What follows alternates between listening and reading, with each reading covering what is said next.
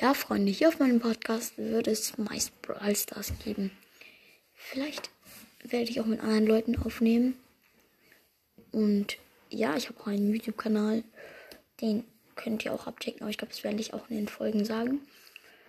Und schreibt mir auch gerne eine Nachricht über nk.fm Schrägstrich Dynamax Podcast Schrägstrich Message. Los.